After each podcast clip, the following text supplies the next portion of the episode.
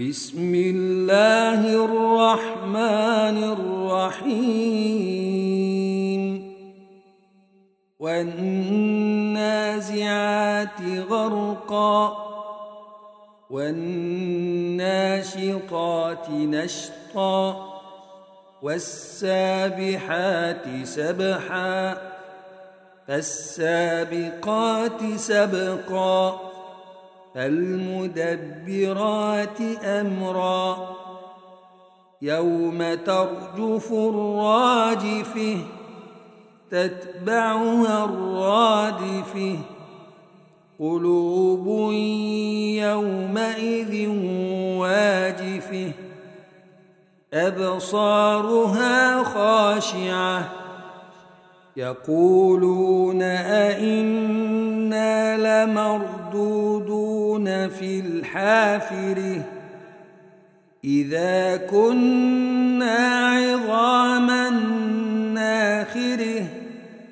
قالوا تلك إذا كرة خاسرة. فإنما هي زجرة فإذا هم بالساهرة هل أتيك حديث موسى؟ إذ ناداه ربه بالواد المقدس طوى اذهب إلى فرعون إنه طغى. فقل هل لك إلى أن تزكي وأهديك إلى ربك فتخشي فأريه الآية الكبرى فكذب وعصي ثم أدبر يسعي فحشر فنادي فقال أنا ربكم الأعلى فأخذه الله نكال الآخرة والأولى إن في ذلك لعبرة لمن يخشى أأنتم أشد خلقا أم السماء؟